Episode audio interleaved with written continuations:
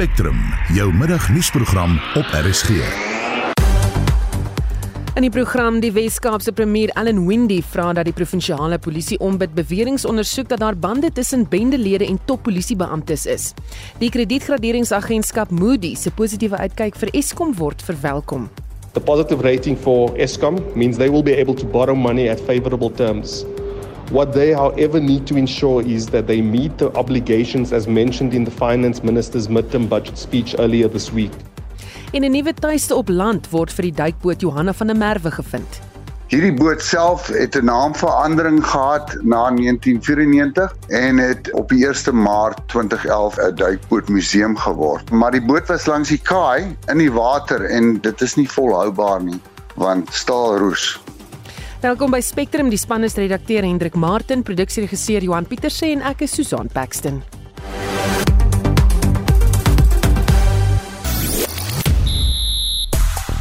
Sri Lanka hou hulle kans vir 'n plek in die T20 Wêreldbeker toernooi se halfeindstryde lewendig. Die wêreld se voorste vroue tennisspeler, Iga Swiatek van Pole, is vanaand by die WTA Tourfinale in Texas in aksie.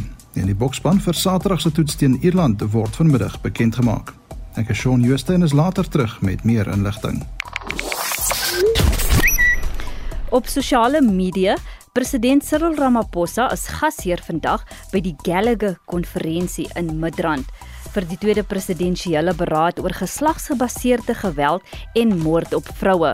Dit is 'n geleentheid om uitdagings waarmee vroue, kinders en persone met gestremthede te doen het met belanghebbendes te bespreek. Meer hieroor onder die hitsmerk Presidential Summit. As jy net so voor kyk na die vraag vanmiddag, ehm um, daar skrik dit aan die gang tans tussen Nieu Seeland en Engeland. Nieu Seeland voor die uh, penne of die paaltjies eerder en Engeland wat uh, daarso hulle moet probeer uithaal en die telling staan tans op 22 vir die verlies van 1. Nou die departement van basiese onderwys sê die eerste dag van die matriek eindeksamen sonder enige voorval verloop. Bykans 800 000 leerders het die eerste Engelse vraestel in die sowat 7000 eksamenlokale reg oor die land afgelê. Die woordvoerder van die departement, Elijah Mshlangu, sê hulle is baie tevrede met hoe sake tot dusver verloop het. The first day went well. We are happy with what we have seen, and we have not received any reports that could cause us to have anxiety. Provinces are reporting that candidates arrived, they found their question papers, and they wrote, completed, and went back home to prepare for the next paper. Then is half past six, going to seven o'clock. Learners were starting to arrive, even though they knew the paper was starting at nine, but they arrived on time. So we are happy with that type of arrangement and preparedness for any eventuality.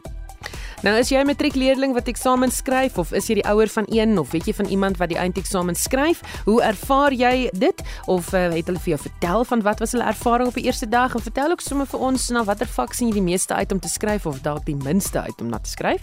Die stuur 'n SMS na 45889 SMS se kos R1.50 of praat saam op die Monitor en Spectrum Facebook bladsy. Onthou daar's ook foto's van hierdie duikboot wat ons gelaai het uh, wat jy kan sien hoe lyk hierdie duikboot waarna ons bietjie later gaan verwys in die program. Dit is nou 8 minute oor 12 jy luister na Spectrum. Die Wes-Kaapse premier Allan Windey het versoek dat die provinsiale polisie ombudsman beweringe on ondersoek dat daar bande tussen bendelede en toppolisiebeamptes is. Daar's vroeër hierdie maand in 'n hofsaak in die Hooggeregshof onthul dat bendelede die polisie bestuurstrukture in die Wes-Kaap geïnfiltreer het. Ons praat nou met die ALR vir gemeenskapsveiligheid in die Wes-Kaap, Regan Allen. Goeiemiddag Regan. Goeiemiddag en goeiemiddag aan al die luisteraars ook. Die saak waarna ons verwys gaan oor die mobsterbende op die vlakte en spesifiek die beskuldigdes Elcardo Adams en Alfonso Kloete wat nie borgtog gekry het nie. Regter hmm. Tulari het in sy uitspraak gesê die beskuldigdes geniet die beskerming en hulp van sekere polisiebeamptes. Julle reaksie op hierdie onthullings? Hmm. Ek verwelkom die uitspraak van die verdagtes verskyn op verskeie en baie ernstige klagte en dit sluit onder meer moord, poging tot moord en die besit van vuurwapens en ons weet skuldig of nie, dit is die regter se besluit om te maak. En persone wat op hierdie klagtes verskyn word as 'n ernstige bedreiging geskou, maar dit is ook 'n baie bold verdict wat ehm um, ehm um, regter Tolari gemaak het. Van ons sien nou, die vraag is nie meer of dit gebeur nie. Die vraag is nie meer dink ons dat die polisie geïnfiltreer ehm um, ehm um, geïnfiltreer is nie. Die vraag is nou wie weet hiervan? Hoe lank gebeur dit en wat word gedoen daaraan? Daarom het die premier al reeds saam met die polisie ombudsman gepraat hier in die Wes-Kaap om een vraag vir ons te beantwoord. En daai vraag is: is daar voldoende bewyse om die instelling van 'n kommissie van ondersoek te regverdig om ernstige beweringe van uh tussen uh bendes um en die Suid-Afrikaanse polisiedienslede in die provinsie da um in die provinsie en om dit te ondersoek hmm. want dit is onaanvaarbaar.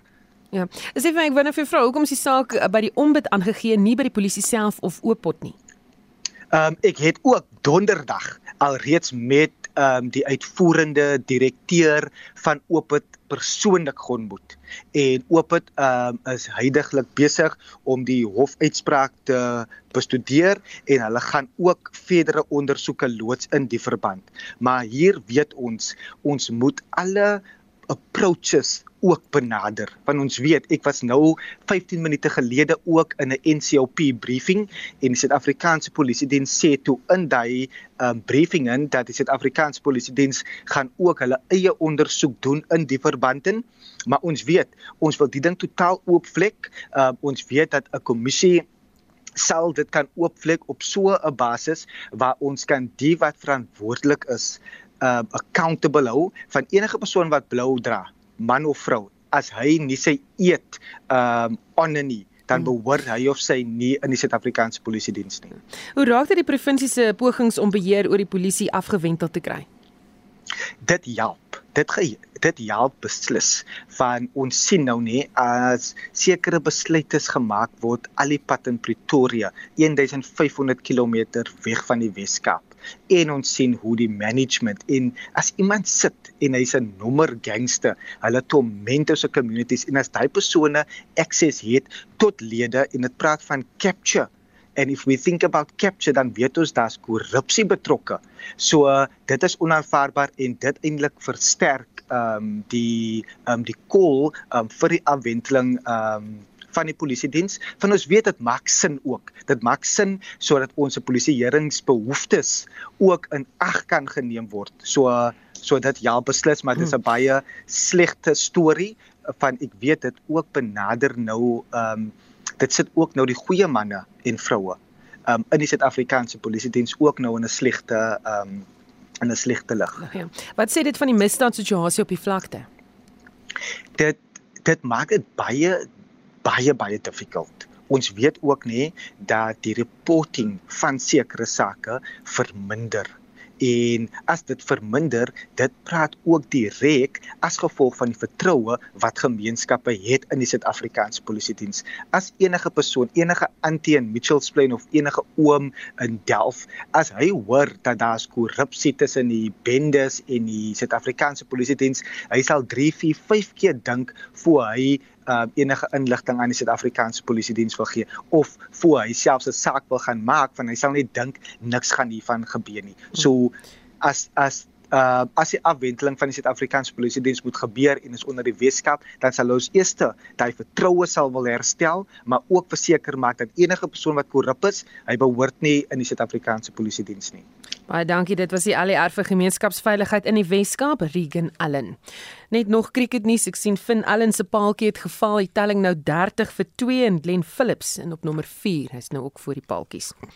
President Cyril Ramaphosa het nog 5 dae kans om te reageer op die inligting wat aan die onafhanklike paneel van deskundiges oorhandig is wat moet bepaal of 'n staat van beskuldiging uiteindelik teen hom moet begin word. Maar Lee Skeepers het meer. Die woordvoerder in die presidentskap, Vincent Magwenya, het in 'n SMS-boodskap aan die SAIK bevestig dat die president die inligting ontvang het en binne die bestek van die spertyd sal reageer.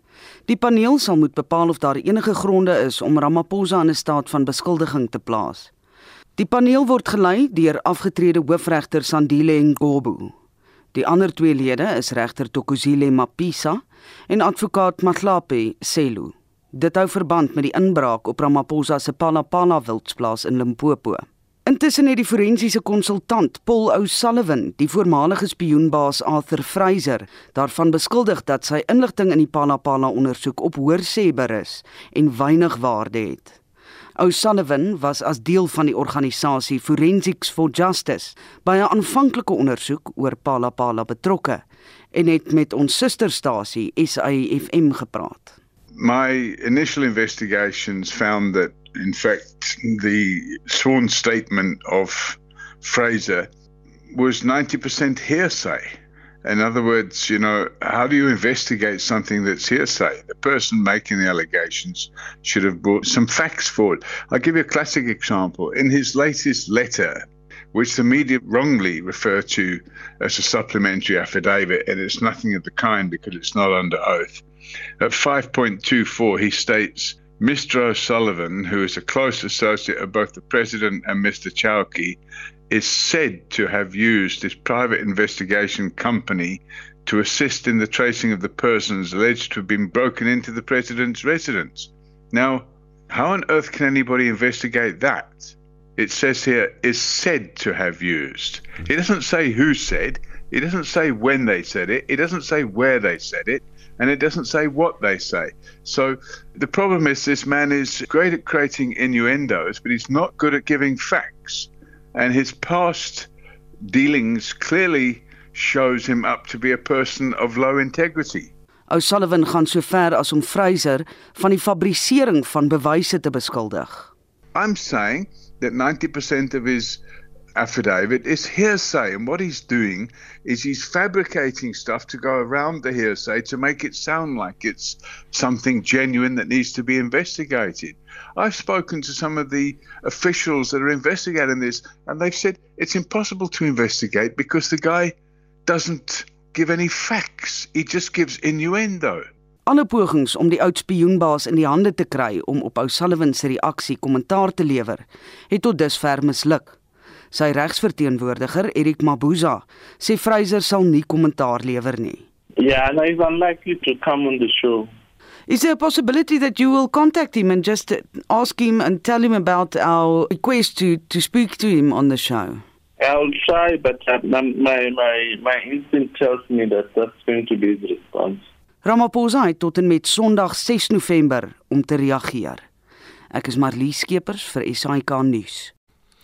Op 'n parlementêre vraag van die DA LP Michelle Clark het die minister van gesondheid Dr Joe Phaahla onthul dat meer as 121 miljoen rand in 76 verskillende gevalle van korrupsie in staatshospitale landwyd ter sprake is. Gauteng het die meeste korrupsiesake gevolg deur KwaZulu-Natal en Mpumalanga. Ons praat nou met Michelle Clark, 'n DA parlementslid. Good afternoon Michelle. Um, good afternoon and thank you very much for having me on the show. So wat het gelei tot hierdie ontdekking van korrupsie in die staatshospitale? Wel, jy weet, uh, die korrupsie is stukkie vir stukkie ontbloot deur vletjie blaasers en ondersoeke deur die media en werk deur oppositiepartye soos die DA. Hm. So jy weet dis die werk wat ons insit om hierdie um voort te blaas. En uh, is daar enige amptenare wat in hegtenis geneem is of geskort is? Daar is 'n hele paar mense in hegtenis geneem en geskort, maar die ouditeur-generaal en die departement van gesondheid se jaarlikse verslag het spesifiek uitgewys dat die departement nie gevalle van onreëlmatige en vrugtelose en vermorste uitgawes ondersoek nie en daar is dus nie die nodige gevolgbestuur in plek om dit te doen nie. En um is uh, jy weet hoe kan ek dit vra? Ons weet dat daar nadat die vletjieblaser Babita die okerrand transaksies uitgewys het van nagenoeg 850 miljoen rand, sy wreed vermoor is. Is dit hoekom niemand na vore wil kom nie, dink jy? Wel die gebrek van beskerming van vletjieblasers is 'n groot bron van kommer vir ons. Die blyk dit blyk die regering se houding is om eerder nodige kritiek en openbarings onder die mat in te vee en plaas daarvan om te ondersoek en te gebruik om die gesondheidssektor te verbeter. Beloftes van beskerming vir vletjieblaas is net liptaal. Met wetgewing wat vletjieblaas nie gedeeltelik beskerm in die geringe gevalle wanneer daar wel geïmplementeer word nie. En net vandag is daar 'n vraag wat ons aan die minister gaan voorlê in in terme van om, om, om hierdie ehm um, vletjieblaas um, te beskerm wanneer hulle voorkom. En watter impak het dit op openbare hospitale wanneer dit by dienslewering kom? Op dienslewering in die openbare hospitale glad nie op standaard nie en die verskoning daarvoor is legio. Maar waar waarop die eintlik neerkom is swak bestuur en swak politieke wil om die prosesse wat die instansie moet beskerm te implementeer. So geld word verkoop en broodnodige opgraderings van infrastruktuur en toerusting kan nie gedoen word nie en poste is vakant. En wat is die pad vorentoe? Well, jy, weet die ANC um, is besig om om die NHI se uh, uh, begin in te sit. Maar dit is glad die die die oplossing nie. Tensy die departemente begin om oortreders te straf en prosesse te implementeer wat korrupsie sal hokslaan, gaan die stelsel aanhou verswak. En ons moet um, ons moet eers ons hospitale op daai uh, um, openbare standaard kry sodat ons die NHI kan implementeer.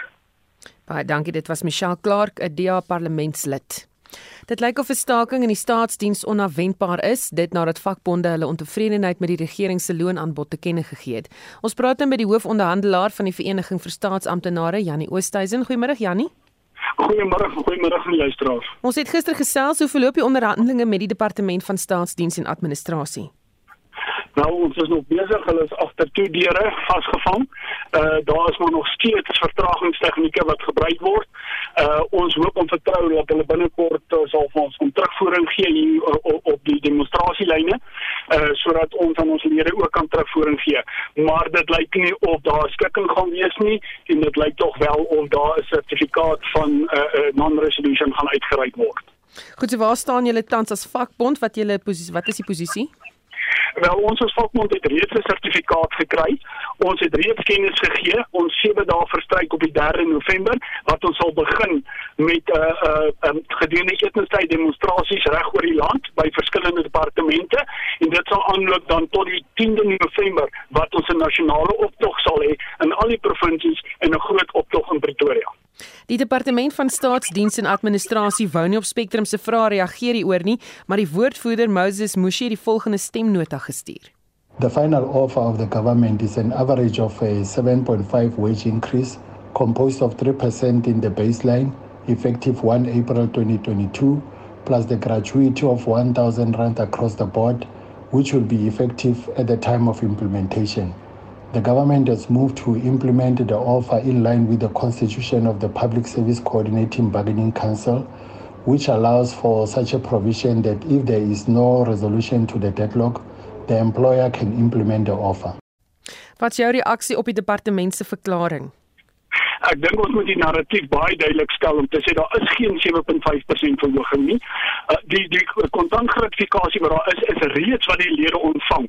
So om te gaan sê en om die die die die uh kontantgratifikasie uh te vergelyk met 'n persentasie nadat die inflasie soveel keer opgegaan het, is glad nie meer gelykstaande ewen aan 'n 4.5% nie. Tweedens, die eensidedige implementering van die werkgewer is 'n aanval op kollektiewe bedinging wat ons deur al die jare vermag het wat die werkgewer nou wil kom en met eensklaps met hulle eensidedige implementering wil verbreek. Die, die ons as FSA sal nie toelaat dat die werkgewer se arrogansie voortgaan en kollektiewe bedinging ondermyn nie. Daar is nie 'n offer op die tafel nie in terme van die konstitusie van die van die uh, bedingingskamer is dit baie duidelik as die offer op die tafel binne 21 dae nie 'n um, meerderheidshandtekening het nie, het hy weggeval. So daai offer bestaan nie meer nie. En die narratief van 7.5% is absoluut leuen en wat hulle die publiek mislei met om te sê dat hulle 7.5% gaan gee. Dit bestaan nie. Dit slegs 'n 3% uh, pensioendraande verhoging. As ons kyk na die afgelope 3 jaar, het die staatsamptenare geen pensioendraande verhoging gehad nie. En dis hoekom ons sê ons kan nie 'n 3% aanvaar nie. Baie dankie en dit was natuurlik die uh, hoof aan hoofonderhandelaar van die Vereniging vir Staatsamptenare Jannie Oosthuizen. Die programmeringskomitee van die stad Johannesburg sal na verwagting vandag vergader en die uitkomste daarvan sal aandui of die mosie van wantroue teen die burgemeester Mpopalatsi by donderdag se buitengewone raadsvergadering ter tafel gelê sal word. Palatsi sê hulle het gisteroggend 'n brief ontvang van die prokureurs in die kantoor van die spreker van die raad waarin hulle meegedeel word dat die mosie teruggetrek is. Palatsi is verlede maand tydens 'n vorige mosie van wantroue ontsetel, maar is as burgemeester heraangestel na 'n Hooggeregshof uitspraak wat bevind het dat haar verwydering onwettig was. Bianca Olifant berig. Die programmeringskomitee wat die taak het om die agenda vir die komende raadsvergadering saam te stel, het verlede week Vrydag vergader waar die nuwe mosie teen Palatse bespreek is vir donderdag se buitengewone raadsvergadering. Palatse sê die mosie is teruggetrek.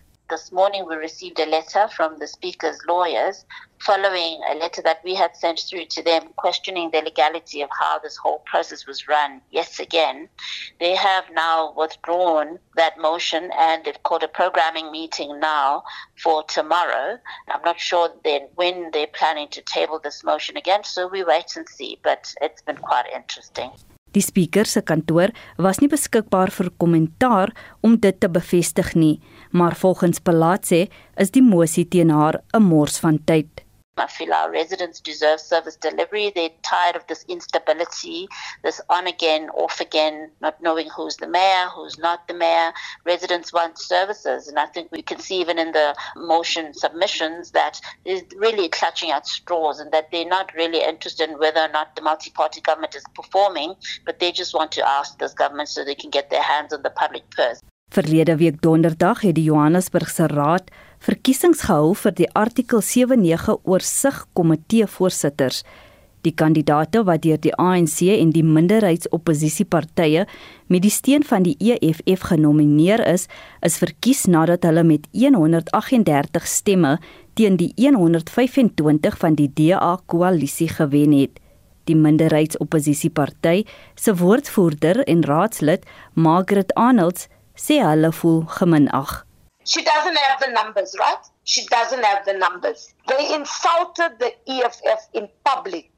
They fired Ashley Sauls from the PA on national television. They keep on calling the ANC corrupt. They keep on calling us, the minorities, the ANC's handlers. So who would want to work with them? It's only Action SA. Die Johannesburg Metro het 270 setels en vir 'n mosie om aanvaar te word, moet dit 50% plus 1 wees, wat beteken dat daar 136 stemme nodig sal wees. Die ANC voorsitter en voormalige burgemeester, Dada Morero, was nie vir kommentaar beskikbaar nie. Hy het egter verlede week aan verslaggewers gesê dat hulle koalisie met die minderheidspartye en met die steun van die EFF se stemme 'n totaal van 140 stemme het wat genoeg is om die mosie deur te voer. So we are solid and our numbers are solid. We're working together and we are still solid. There's no indication that we are not working together. Palatsi sê hulle gaan die mosie betwis en dat onderhandelinge met ander politieke partye steeds voortgaan. Die verslag is saamgestel deur Tsepo Pagane. Ek is Bianca Olifant vir SAK nuus. Nadat die geskorste openbare beskermer advokaat Bosisiwe Mqobani se regspan onder leiding van advokaat Dali Mpofu skielik van die saak oor haar bevoegdheid onttrek het, ontstaan die vraag of die verrigtinge sal kan voortgaan. Ons praat nou met ons verslaggewer daar Joseph Mushia. Good afternoon Joseph. Hey, good afternoon. Uh, kon die sitting voortgaan al het Mpofu Mqobani in die steek gelaat? Uh, the, the, the, in fact, the, proceedings are continuing this morning after an, a lengthy uh, argument this morning where the public protector uh, sought to explain why her legal team left last week and the fact that actually they are still her legal team. Uh, they have not, they have not, uh, the, their mandate has not been withdrawn, so she still is working with them, but they are unable to attend. Today uh, or any week, any time this week because they would like to come back on the 7th. Uh, after those deliberations, the chairperson has then decided that they are not going to accept any further postponement.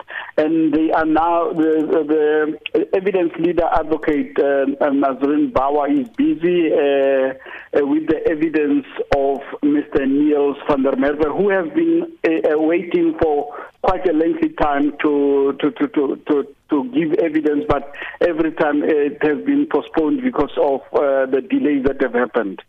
Het Mqobane aangedui dat sy 'n nuwe regsverteenwoordiger sal kry?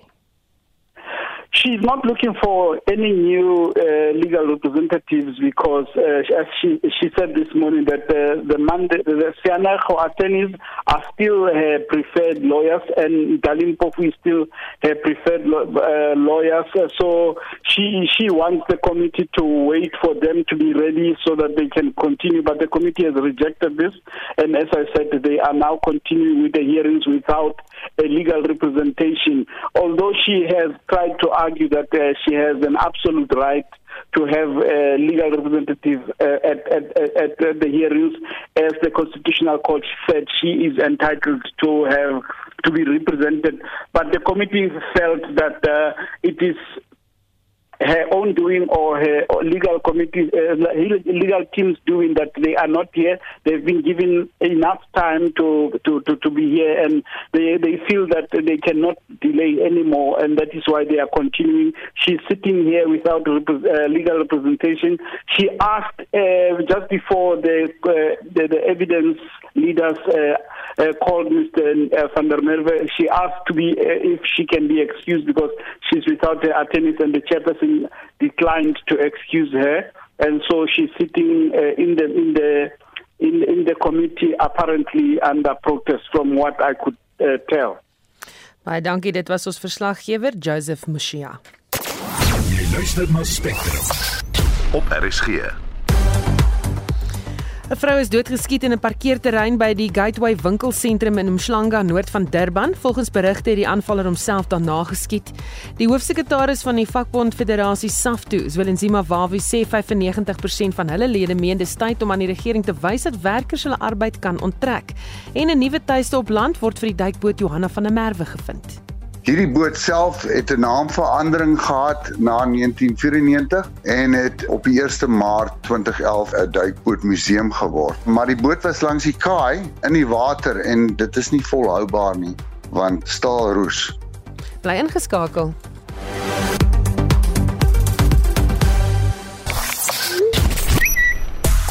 Onder die hitsmerk City of Johannesburg, die Johannesburgse burgemeester en DA raadslid Mpopalatse sê 'n mosie vir nog 'n programmeringsvergadering is uitgereik nadat 'n mosie van wantroue wat donderdag voor die raad geplaas gaan word, teruggetrek is. Ja, en ons gesels natuurlik oor matriek eindeksamens. Jy kan vir ons boodskappe stuur daaroor. Hoe ervaar jy dit? En uh wat of as jy matriek in die huis het, hoe ervaar hulle dit sover? Ja, die eerste dag intussen klop mense wat gesels oor die duikboot. Dis eintlik nou die SAS Assegaai. Ehm um, die stelskepers wat sê baie dankie aan die vrywilligers wat ingetree het om die duikboot wat deel van 'n effektiewe vloot was te restoreer. Ehm um, hou asseblief op hoogte. Ja, die die dis 'n baie ou duikboot. Daar was 3 gewees en uh hier is die laaste een wat oor is en dit was nou al 'n ruk lank al 'n museum, maar die pakkie gaan alles verduidelik. So ingeskakel bly daarvoor. En altyd van 'n Wesduisen wat sê baie bly hulle die boot gered en hulle sê hulle het natuurlik ook baie ehm um, nog hulp nodig om daardie boot te skuif, maar dit gaan ook alles nou jy weet gesê word in die pakkie.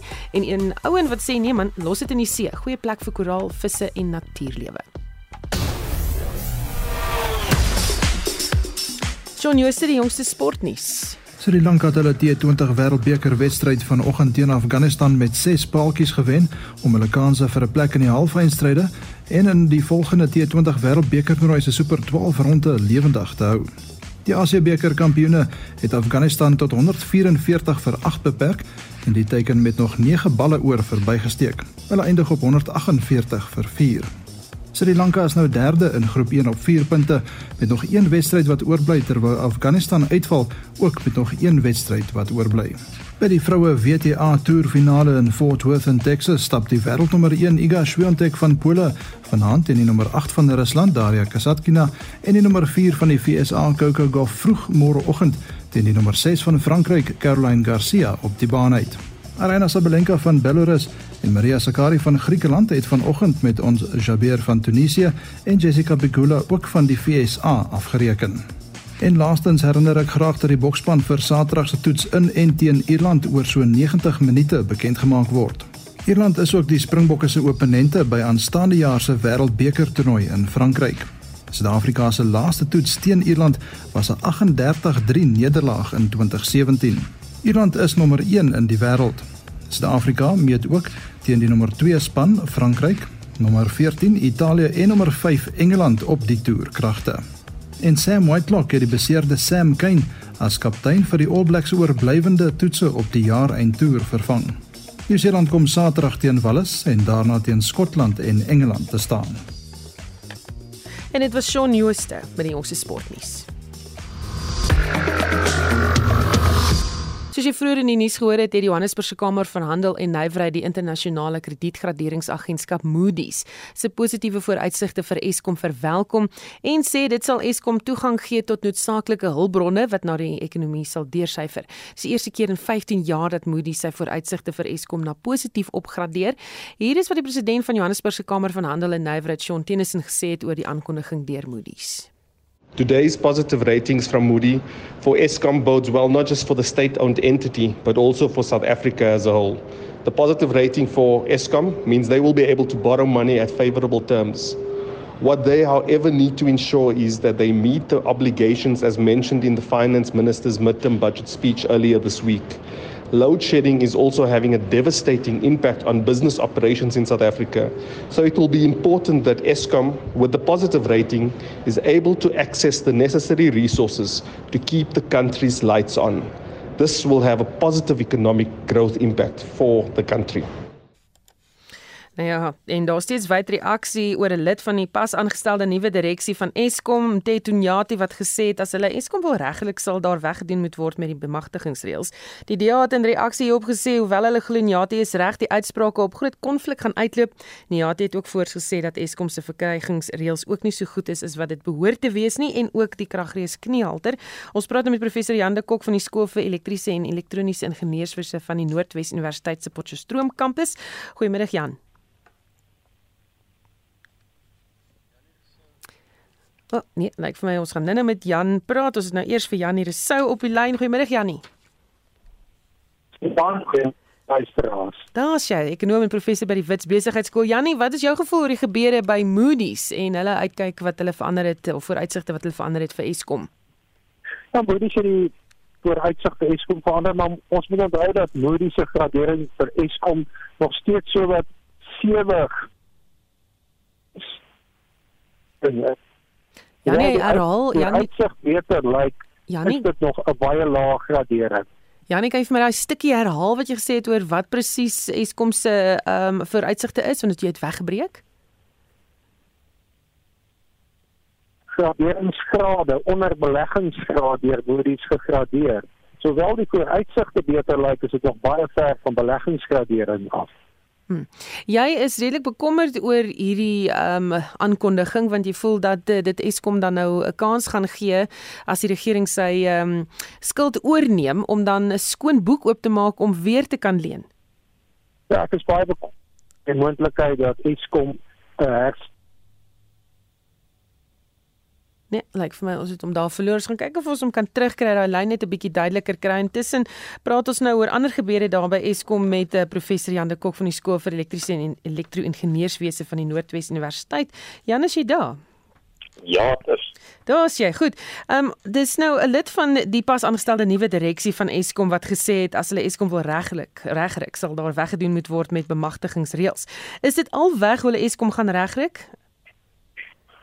Susan, dit gaan 'n uh, reuse verskil op daar maak, um, want dit gaan Eskom in staat stel om die beste persoon of die beste maatskappy aan te stel om die werk te doen wat tot nou toe baie gevalle nie die geval was nie, waar veel eerder iemand op grond van sy BE status aangestel het as of op grond van sy vermoëns. Ehm um, Ja, wat anders dink jy ja, benodig hulle om sake daar reg te ruk? Wel verder gaan dit maak dit maak dat die wins wat die middelman wat tipies in die orde van 20 na 30% was nou nie meer daar gaan wees nie ek dink dis hoekom dit op mense nou klaar want ehm um, die die geld gaan nou nie meer gespandeer word nie en eerder gespandeer word op geld op goed wat hulle wel kan doen. So dit gaan 'n verskil maak, maar ehm um, dit gaan nog tyd vat voordat Eskom reggerig word. Kom ek gee vir jou 'n voorbeeld om 'n ketelberg kragstasie reg te maak, behoorlik reg te maak, wat ongeveer 36 maande vandat jy besluit jy wil dit doen. Omrede jy eers so 'n beplanning moet doen, jy moet um, toerusting koop wat dit was nie die rad beskikbaar is nie om uiteindelik 'n periode van 6 maande dan die ketel reg te maak. Nou as jy dink daar's meer as 90 sulke ketels in die Eskom vloot, gaan dit nog 'n lang tyd vat voordat ons Eskom volledig reggemaak gaan kry. Hmm. En soos beerkrag tans toegepas word, wat voorspel jy lê vir ons voor vir die res van die jaar? Oh, nie net vir die res van die jaar nie, maar waarskynlik vir die volgende 10 jaar gaan ons nog met beerkrag moet saamleef. Ek dink in die nabye toekoms gaan dit nog erger raak. Ehm um, word dit gaan beter raak. So dis nie iets wat ons gou die af ehm um, die agterkant van gaan sien nie. Baie dankie. Dit was professor Jan de Kok van die Skool vir Elektriese en Elektro-ingenieurswese van die Noordwes Universiteit se Potchefstroom kampus. Lyk vir my ons het vir Janie Resou terug op die lyn. Janie, is jy daar?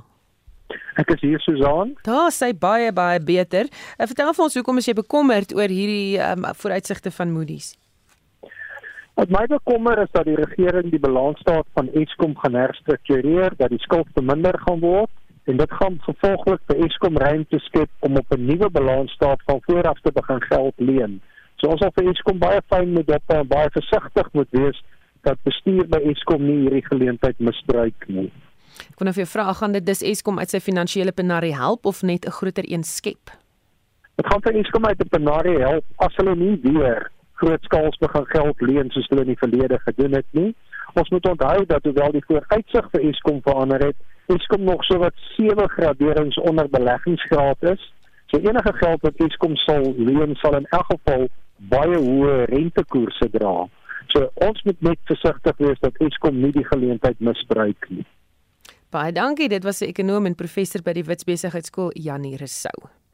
In Limpopo is 12 gevalle van masels van die ouderdom van 9 maande tot 24 jaar aangemeld. Die departement van gesondheid het 'n inentingsveldtog teen masels van stapel gestuur wat deur die Nasionale Instituut vir Oordraagbare Siektes en die Wêreldgesondheidsorganisasie ondersteun word. Ons praat nou met Dr. Jantjie Taljaard, infeksiebeheerspesialis by die Tygerberg Hospitaal. Goeiemôre Jantjie. Hallo Swan. Die eerste keer wat ek en jy gesels en dis nie oor COVID nie. Ehm um, wat is die simptome van masels? Hoe word dit oorgedra?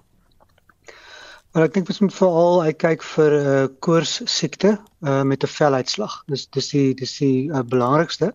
Maar bykomstig daartoe is 'n uh, loopneus, 'n rooi oë of 'n hoes. Ehm um, moet definitief jou jou jou ehm um, dan moet jy baie ehm um, mooi uitkyk dat dit moontlik masels kan wees. En hoe gevaarlik is hierdie siekte? Dit is dit is veral gevaarlik vir vir jong kinders onder die ouderdom van of babas onder die ouderdom van 2 jaar. Ehm um, dit is dit is potensieel fataal. Hulle kan sterf, hulle kan ehm um, breinontsteking kry en erge longontsteking en dan ook vir ouer mense of mense wat dan nou um, immuun onderdruk is as gevolg van onderliggende siektes soos diabetes of HIV. Hmm. Kinders word van kleins af ingeënt maar word weer siek. Help die enstowwe nie. Dit is baie onwaarskynlik dat jy ernstige siektes sal kry as jy ingeënt is en jy beide jou inentings gekry. Um, op 6 en 18 maande. En dit is is 'n baie effektiewe entstof en dit dit voorkom natuurlik uitbrekings, groter uitbrekings en verspreiding omdat die meerderheid van mense 100% beskerm is. Nie almal nie, as jy onder immuunonderdruk is uh, op 'n jong ouderdom en jy kry inentings, mag jy dalk 'n suboptimale respons tot die um, inenting kry en dan mag jy moontlik weer uh, masels kry, maar dit is dis nie 'n algemene verskynsel nie. Watter planne is daar om hierdie kiem nou te bekamp? Wel, dit is maar 'n dis maar 'n publieke um, uh gesondheidsoefening wat nou uitge, uh, uitgevoer moet word. Daar moet uh weer teruggegaan word na mediese rekords van kinders um, wat wat voorheen gesien is in die in die klinieke in daai omgewing om te kyk of daar miskien gevalle is wat wel masels was wat gemis is. Teruggaan daai kontakte kry die huismense sien of daar meer gevalle is sodat mense die kontakte kan optel en so vroeg as moontlik um, kan sien of die of of daar verdere verspreiding van die siekte is. En tweedens moet mense natuurlik almal alle alle kinders wat wat by die by die klinieke opdaag moet na hulle hulle uh, inentingskaarte gekyk word, kyk of hulle wel op beide hulle inentings gekry het as kinders en indien nie, moet 'n mens dan hom opvang daarmee.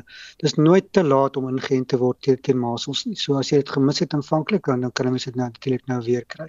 En dan moet hulle natuurlik in die area waar die uitbrekings is, ehm um, ook nou weer hernuwe hernuide ehm um, inentingsprogramme loods soos jy dit wel genoem het. Baie dankie, dit was dokter Jantjie Taljaard, infeksiebeheer spesialist by die Tygerberg Hospitaal. 'n Groep vrywilligers in die Wes-Kaap het besluit om die ou Daphne klas duikboot Assegaai te red van verwoesting. Die duikboot het verlang in die vlootbasis in Simonstad gelê en besoekers kon aan boord gaan om te sien hoe so 'n duikboot binne lyk. Die vloot het egter die spasie waar die duikboot staan nodig en as die Assegaai of SAS Assegaai nie geskuif word nie, sal die stuk geskiedenis in stukke opgekap word. Die voormalige adjunkhoof van die vloot, afgetrede skout-admiraal Hannu Teutenberg sê, die duikboot het in Julie 1971 in Suid-Afrika aangekom en het destyds as Johanna van der Merwe bekend gestaan. Suid-Afrika het 3 Daphne klas duikbote uit Frankryk uitgekry en hierdie een was op daai stadium SAS Johanna van der Merwe. Die duikboot self het toe later is baie gemoderniseer deur die Suid-Afrikaanse industrie gedurende jare veral in die 80e en 90e jare ongelooflike veranderinge gemaak aan die boot en sy uh, combat suite sonar stelsel ensovoorts is verander na Suid-Afrikaans vervaardigde toerusting. En hierdie boot is toe vervang die Daphne klas duikbote wat op daai stadium al baie lank in die tand was is toe vervang in die 2000 jare deur die tipe 209 wat die land gekoop het van Duitsland af en ek dink die eerste een het so in 2004 2005 hier aangekom.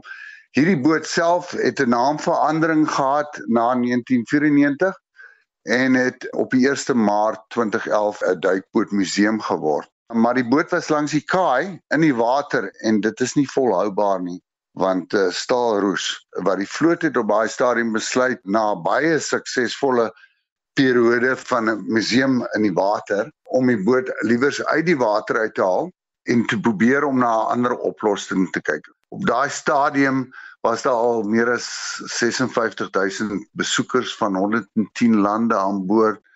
En as mens dink daaraan daar is net 6 duikbootmuseums in die suidelike halfrond en Assegaai is die enigste een in Afrika. So dit is die enigste duikbootmuseum in Afrika So tans is hierdie boot op die Synchro Heiser in Simonstad basis. Binnekant is hy in 'n absoluut uitstekende toestand. Mens kan dit skaars glo. Buite is dit nie so skitterend nie, maar dit sal taamlik maklik wees om hom weer te laat mooi lyk. En die duikboot behoort op hierdie stadium aan die vlootmuseum, maar die SA vloot was baie goed vir ons gewees en het basies vir ons toestemming gegee met ministerieel toestemming ook om die duikboot te bedryf deur die Naval Heritage Trust. So ons plan is om die boot weer in 'n museum te verander. Ehm um, ons uh, moet 'n area kry vir die toekomstige museum en dis voltooi, dis langs die vlootbasis in die parkeerarea met geboue vir lesings en tentoonstellings. Dis alles klaar. Die fondasies waarop die duikboot sal uh, rus is het ons gister begin bou hmm. en behoort voor die einde van die jaar voltooi te wees. Wat is die implikasie daarvan as jy byvoorbeeld nie hierdie boot kan bewaar nie?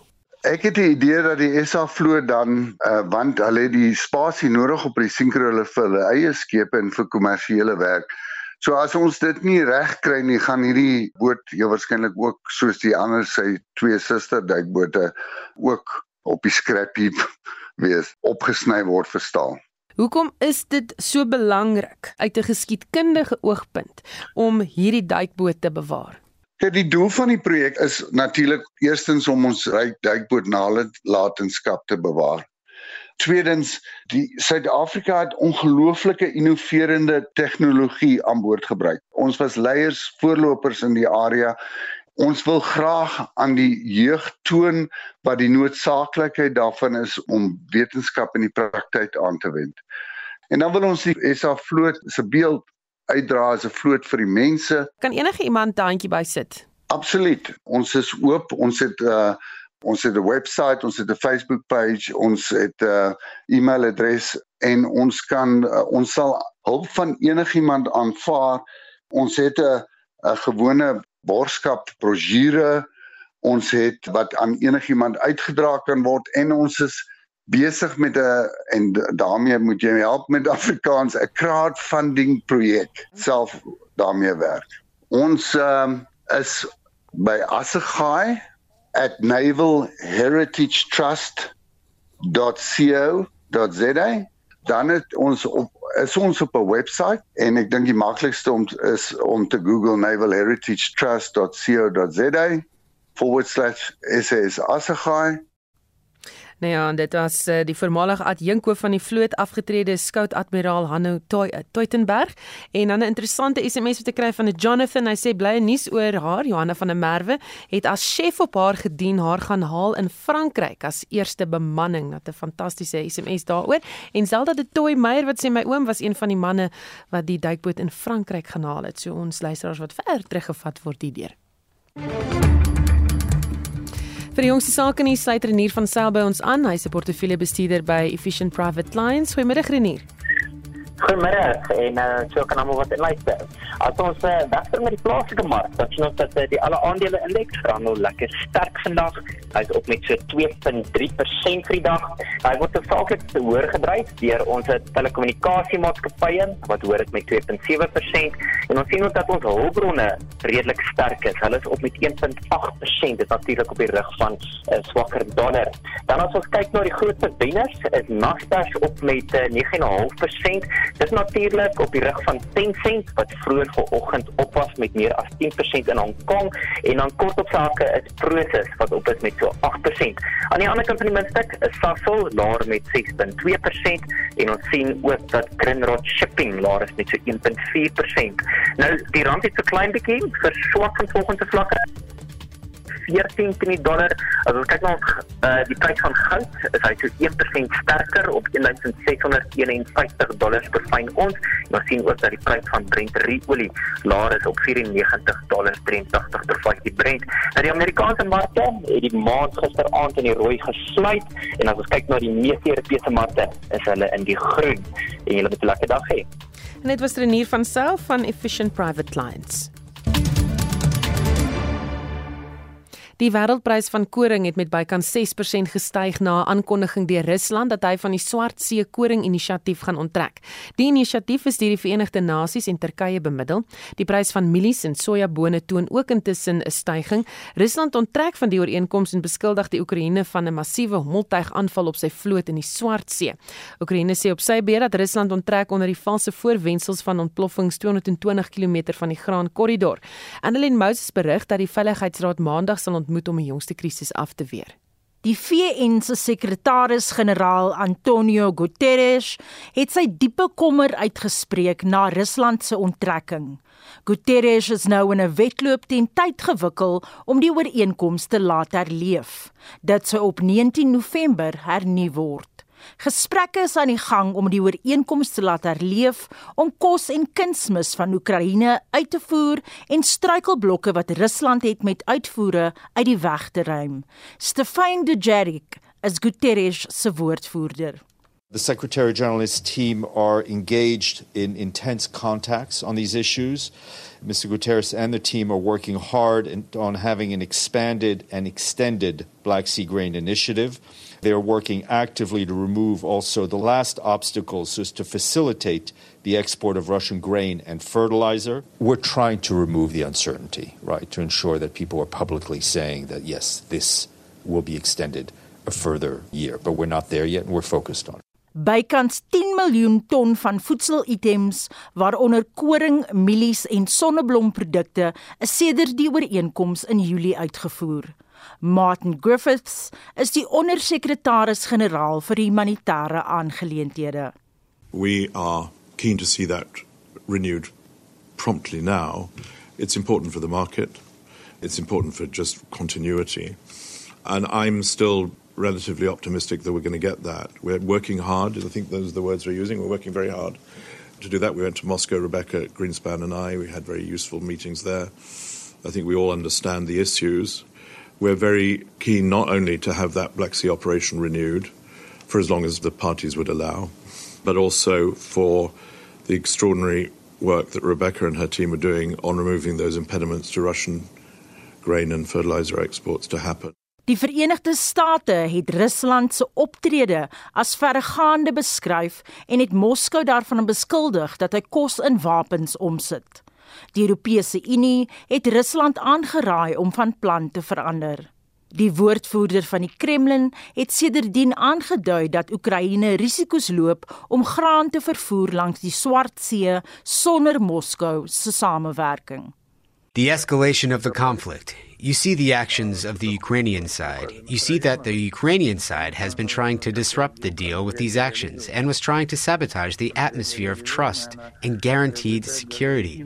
So, we have to base our considerations on the fact that the recent actions of the Ukrainian side that we know about have put the deal at risk.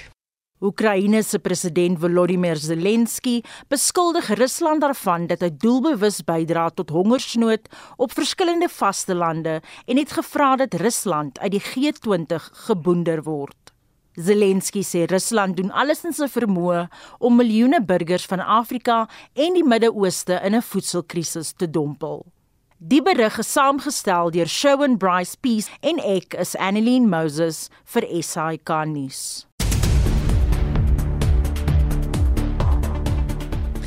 Nou Marlies Skeepers het vir ons die afgelope uur se nuus en ontwikkelende stories dopgehou Marlies. Die Wes-Kaapse premier, Ellen Winde, het versoek dat die provinsiale polisie ombud beweringe ondersoek dat daar bande tussen bendelede en top polisiebeamptes is. Dit volg nadat 'n hofsaak in die Hooggeregshof onthul het dat daar wel sulke bande bestaan. Die LER vir gemeenskapsveiligheid in die Wes-Kaap, Regan Allen, sê hulle sal die ondersoek verwelkom. Die vraag is nie meer of dit gebeur nie.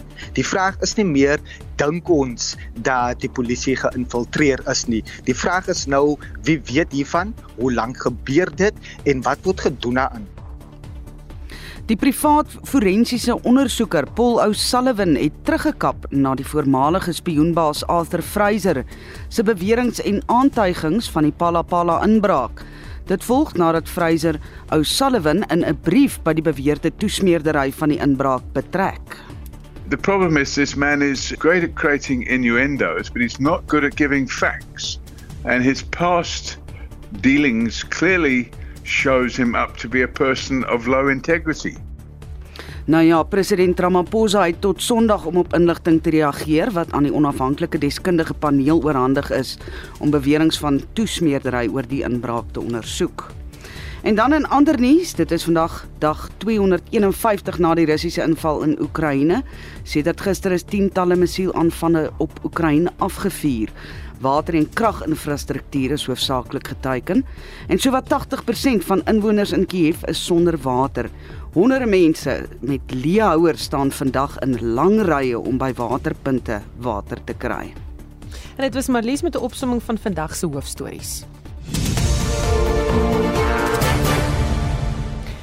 'n nuus wat ek eh, pas ontvang het is dat daar 'n brand is in die ou de Toyskloof pas naby die Protea plaas en hulle sê die brand lyk like dit vir my het begin as gevolg van 'n botsing tussen 'n vragmotor en 'n uh, motorfiets en daar's baie rook so uh, as jy kan vermy die ou pas tussen die ou de Toyskloof pas as gevolg van daardie brand.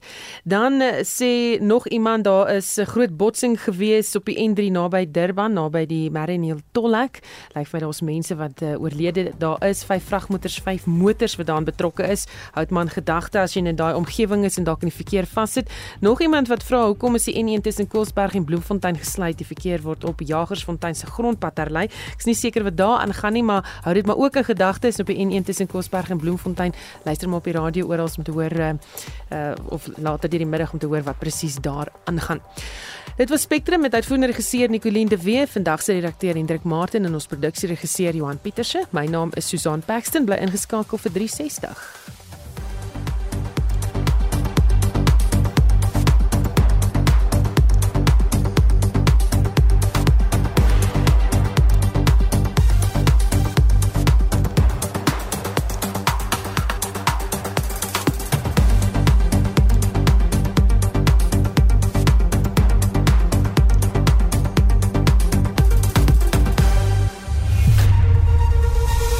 SAK nuus Onafhanklik, onpartydig.